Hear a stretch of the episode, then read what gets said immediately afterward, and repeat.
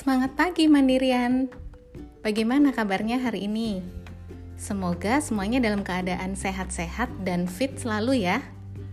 Jumpa lagi dengan saya Yeni dari Mandiri University yang akan membagikan tips-tips untuk menjadi fasilitator sharing yang baik. Dengan melakukan banyak sharing, maka kita akan semakin menguasai skill atau knowledge tersebut. Dan kita juga bisa memberikan manfaat yang lebih luas kepada orang sekitar kita.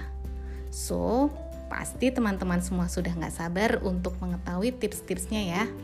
Jadi stay tune di sini.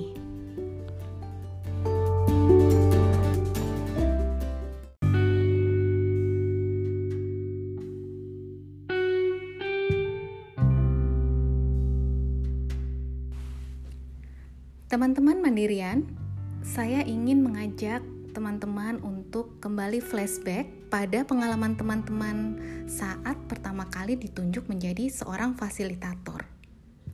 Saat itu pasti teman-teman merasa panik dan nervous. Sebenarnya kepanikan tersebut dapat diminimalisir dengan persiapan diri yang baik. Apa saja aspek-aspek yang perlu kita perhatikan untuk memastikan sharing yang kita lakukan berjalan dengan lancar?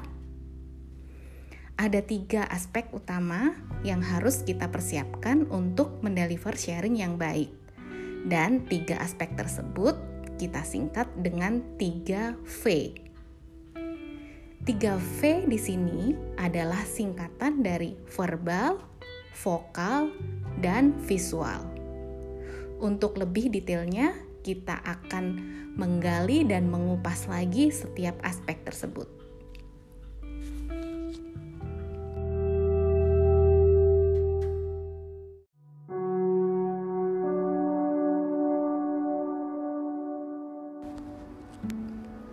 Yang pertama adalah verbal. Verbal yang dimaksud di sini adalah pilihan kata-kata yang akan kita gunakan selama melakukan sharing. Kata-kata yang akan kita gunakan harus sesuai dengan kaidah bahasa yang benar, sehingga tidak membingungkan bagi peserta sharing.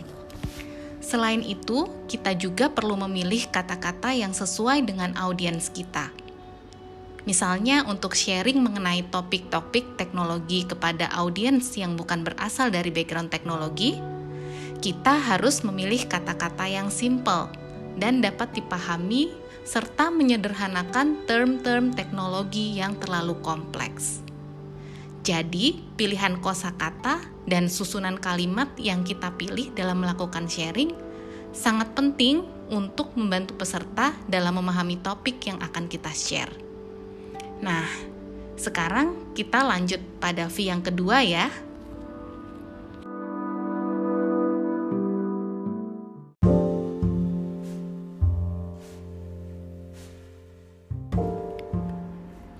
V yang kedua adalah vokal. Vokal adalah bagaimana kita menghasilkan suara dari mulut kita. Untuk bisa membuat peserta kita semakin engage dengan sesi yang kita bawakan, maka intonasi harus diperhatikan. Kita perlu memilih tinggi, rendah suara, dan juga rimanya. Selanjutnya, kita perlu memperhatikan artikulasi suara agar kata-kata yang disampaikan dapat diterima dengan jelas oleh para peserta. Selain itu, kita juga perlu memperhatikan sisi emphasize yaitu penekanan pada kata-kata yang mengandung unsur penting dan perlu diperhatikan oleh peserta. Yang terakhir, untuk menjaga agar audiens tetap engage, kita juga perlu memperhatikan volume suara. Jangan mengeluarkan suara yang volumenya terlalu kecil sehingga sulit didengar oleh peserta. Oke, mari kita lanjut ke V yang ketiga yaitu visual.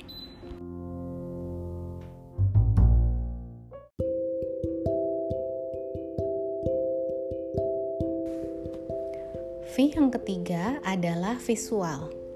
Yang dimaksud di sini adalah bagaimana kita berpenampilan. Kita perlu memperhatikan appearance kita dan memilih grooming yang baik. Selain penampilan diri, hal-hal yang menunjang juga perlu dipersiapkan dengan baik. Misalnya, materi sharing yang akan kita bawakan. Selain itu, untuk menunjang penampilan kita, body language merupakan bahasa yang sangat penting karena akan menunjukkan excitement kita dalam mendeliver sharing. Dan yang terakhir namun tidak kalah penting adalah ekspresi wajah karena ekspresi wajah merupakan pusat perhatian dari para audiens.